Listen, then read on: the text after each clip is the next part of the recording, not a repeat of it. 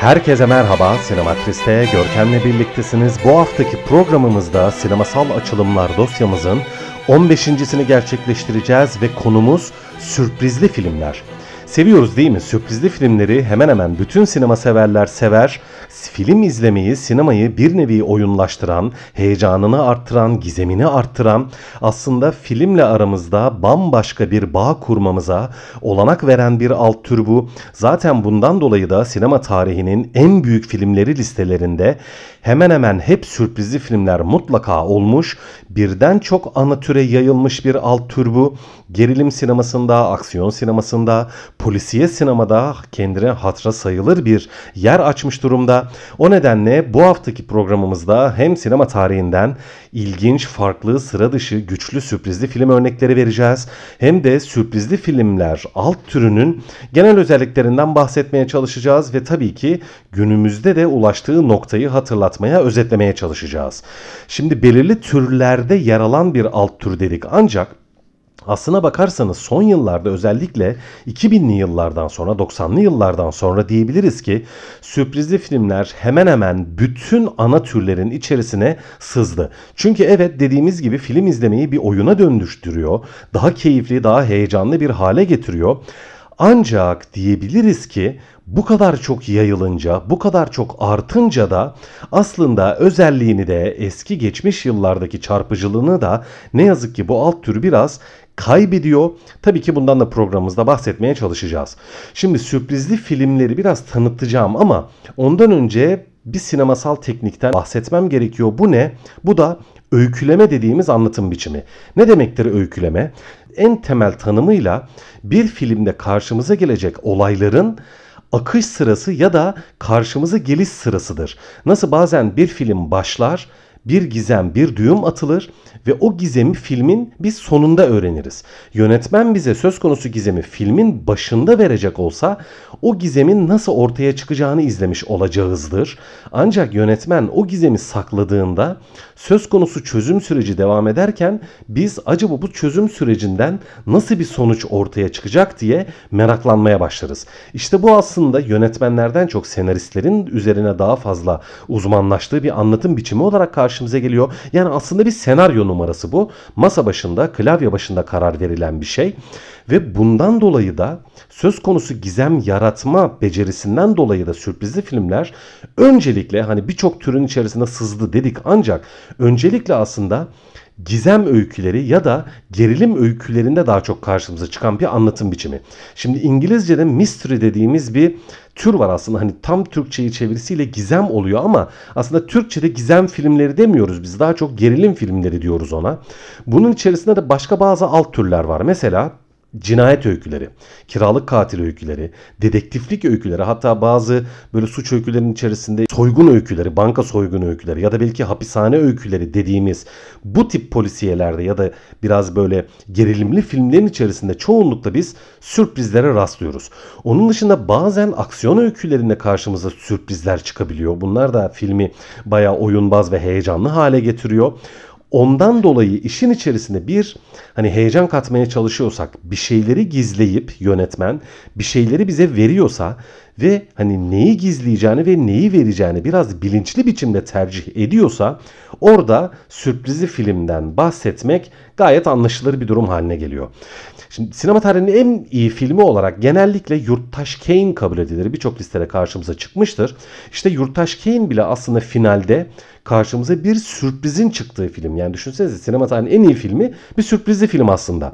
Onun dışında Edebiyatta da örneğin Agatha Christie hani amatör dedektiflik romanları yazan meşhur İngiliz yazarın hemen hemen bütün öykülerinde bir sürpriz karşımıza çıkar. Hani katil uşak deriz ya hani kim ortada bir katil var peki kim? İşte onun ortaya çıkış süreci tam olarak bir gizem öyküsüdür ve finalde çoğunlukla elbette en beklemediğimiz bizi en şaşırtacak olan karakter katil çıkar.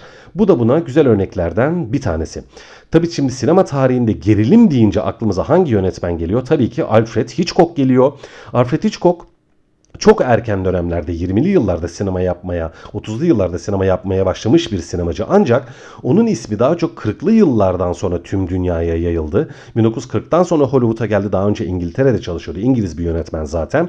İngiltere'de Öyküleri de gayet başarılı ve güçlüydü ama esas Alfred Hitchcock Hollywood'daki yaptığı filmlerle tüm dünyaya kendini sevdirdi ve elbette Alfred Hitchcock deyince ilk akla gelen film hangisidir? Psycho'dur değil mi? Sapık. İşte sinema tarihinin en muhteşem gerilim öykülerinden ve tabii ki sürprizli filmlerinden bir tanesi Psycho diyebiliriz. Tam olarak da işte bir gerilim öyküsü.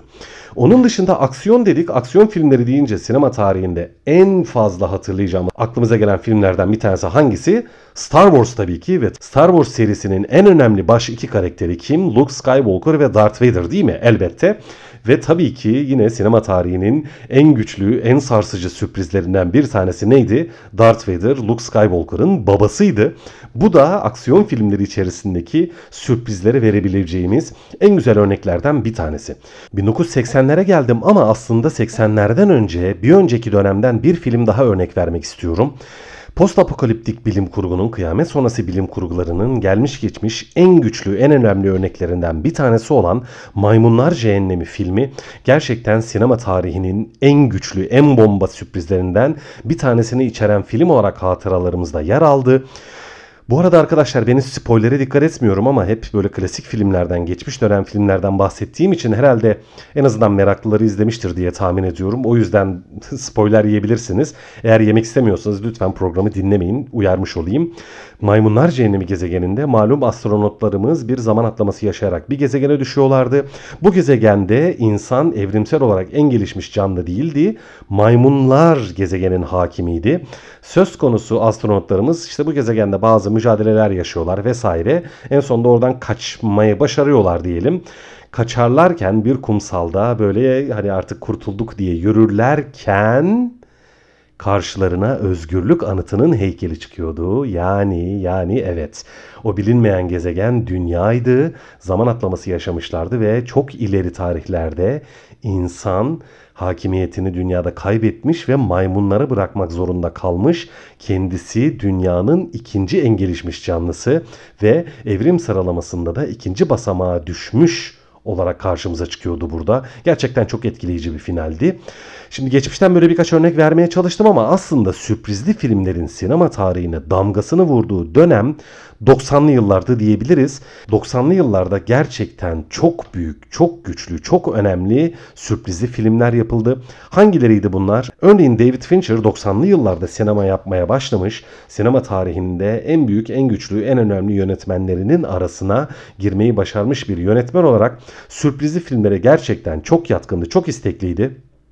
Seven mesela onun ikinci filmi gerçekten olağanüstü bir filmdi ve müthiş bir sürpriz içeriyordu. Ondan sonra The Game oyun bir dönemin sinema severlerine sinemayı sevdiren film olarak anabiliriz o filmi.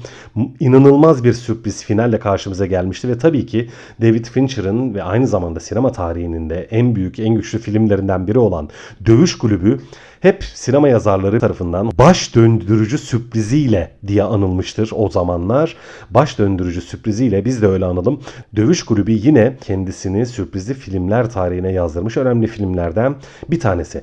Tabii ki yine sürprizli film deyince M. Night Shyamalan imzalı 6. His gerçekten muhteşem bir finalle bir sürprizle karşımıza geliyordu. Hatta diyebiliriz ki belki de 6. His 90'lı yıllardaki sürprizli filmlerin hani böyle ilk akla gelen diyebiliriz belki de. Çünkü hani elbette çok iyi bir filmdi ama bunun dışında andığım filmler hani başka açılardan çok iyi filmlerdi. Çok başarılı filmlerdi. Altıncı hissinse aslında en büyük numarası esas gücü finaldeki sürprizden geliyordu diyebiliriz. Ondan sonra yine 2000'lerin başında Memento akıl defteri filmi Christopher Nolan 2000'li yılların en büyük yönetmenlerinden bir tanesi olarak anabiliriz kendisini. Defteri filmiyle adını geniş kitlelere duyurmuştu ve Akıl Defteri filmi gerçekten olağanüstü bir film, muhteşem bir film. Filmde meydana gelen olayı tam olarak sondan başa doğru bize anlatıyordu ve sinema tarihinde de bir ilkti bu aynı zamanda. Bu ilginç öykülemesinin yanına tabii ki gerçekten yine baş döndürücü, çok sarsıcı bir sürpriz ekleyerek adını yine sinema tarihine altın harflerle yazdırmış filmlerden bir tanesiydi. Ve bir tane de çok geniş kitle bilmiyordur bu filmi ama yine sürprizli filmler deyince mutlaka anılması gereken filmlerden bir tanesini size tanıtmaya çalışacağım. Alejandro Amenabar'ın diğerleri tam çevirisiyle Nicole Kidman'ın başrolünde oynadığı bir korku gerilim filmi bu ve gerçekten o kadar iyiydi ki sürprizi ki hani 6. His'le yakın dönemde izlediğimiz filmlerden bir tanesiydi. Herkes 6. His'in olağanüstü sürprizini hep böyle anıyordu. Üf ne kadar şaşırdık. Ne kadar olağanüstü bir film. Müthiş bir sürpriz hiç beklemiyorduk falan.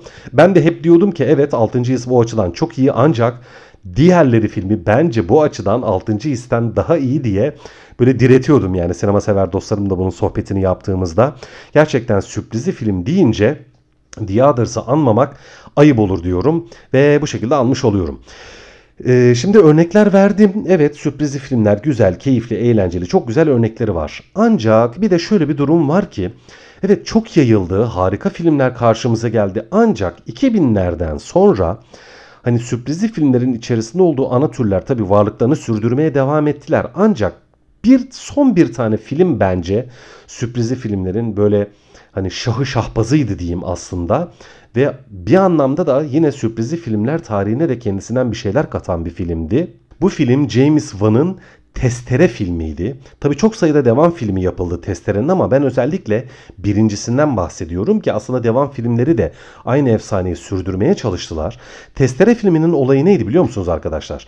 Genellikle sürprizli filmlerde hani bir tane sürpriz olur ya da hadi bilemedin abartalım iki tane sürpriz olur değil mi?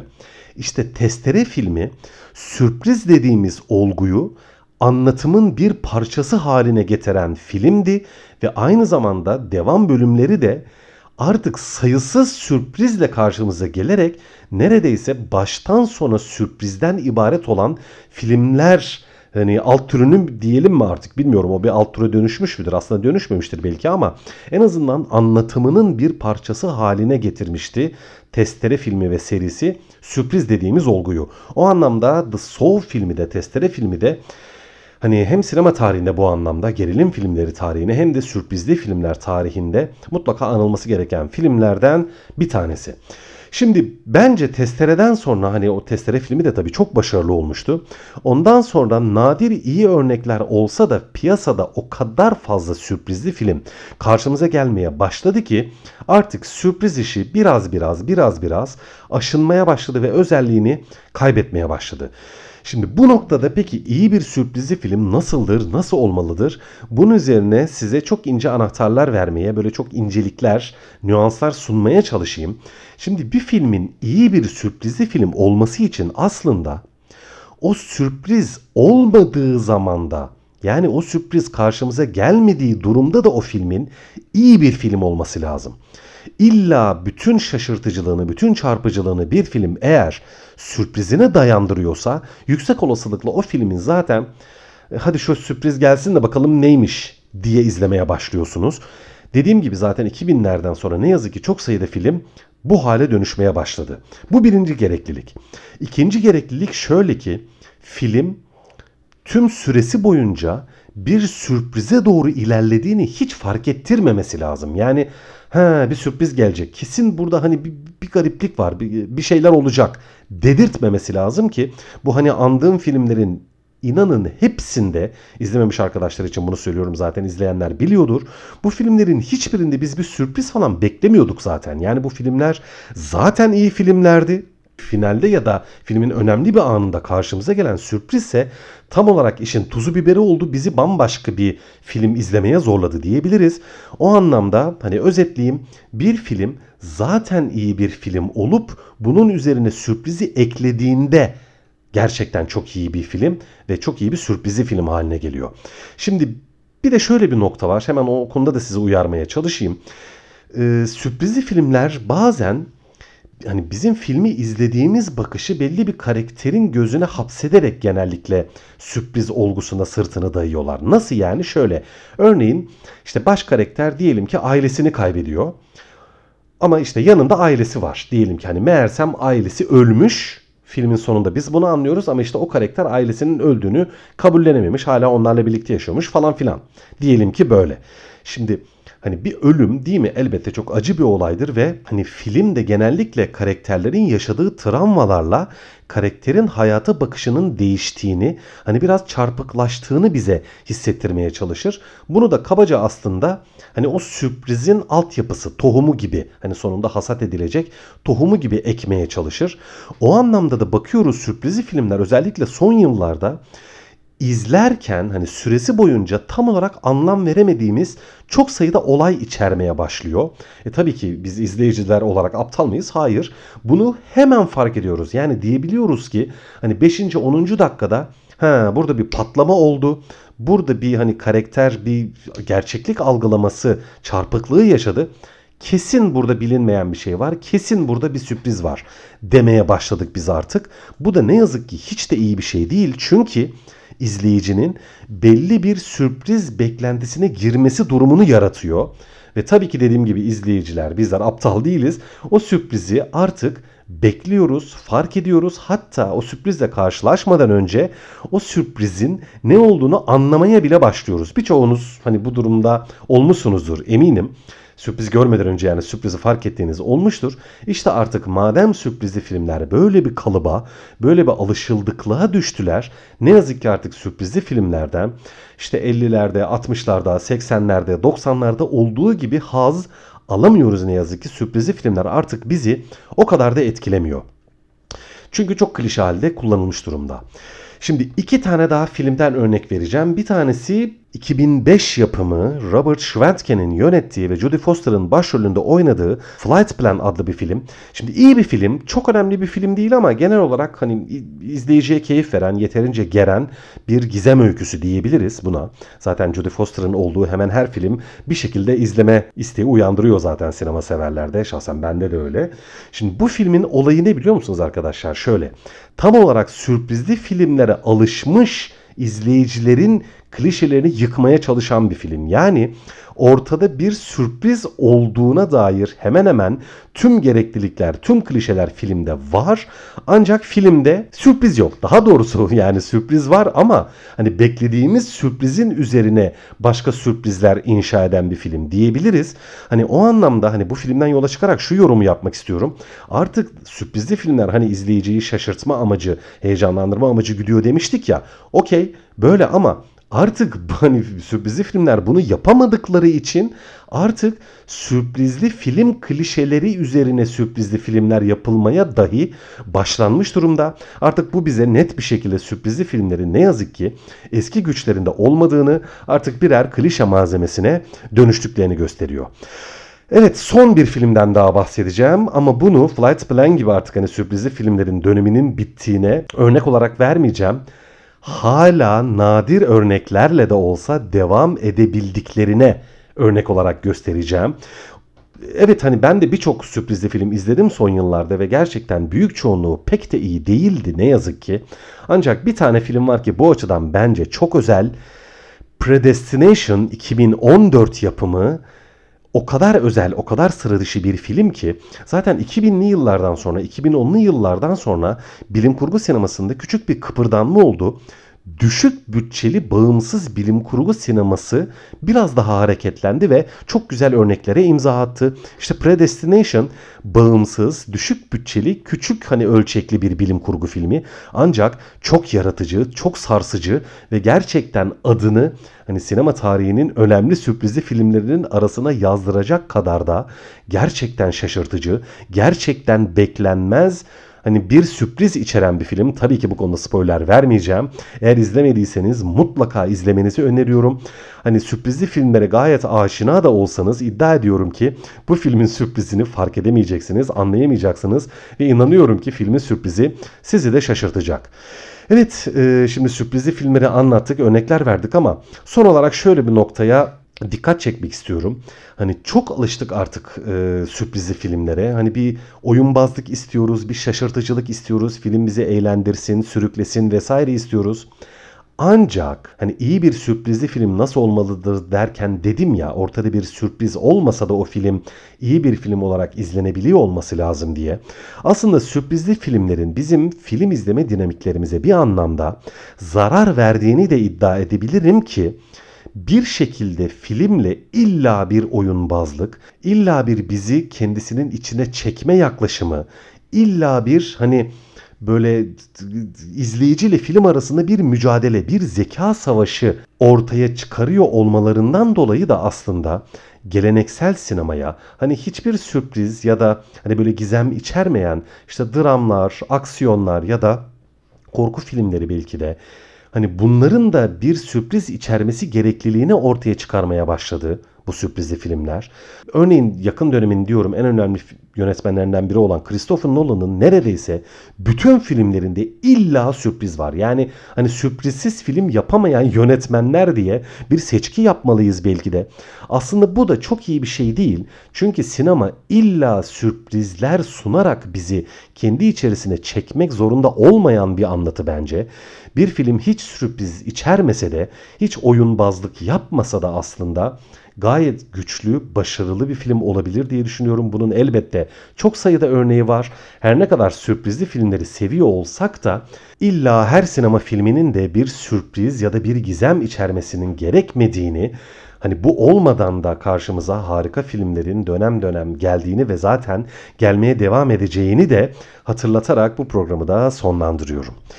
Evet bu hafta gizem türünün diyelim en önemli alt türlerinden bir tanesi olan sürprizli filmleri özetlemeye ve önemli örnekleriyle anmaya çalıştık. Önümüzdeki hafta tekrar görüşmek üzere. Teşekkürler.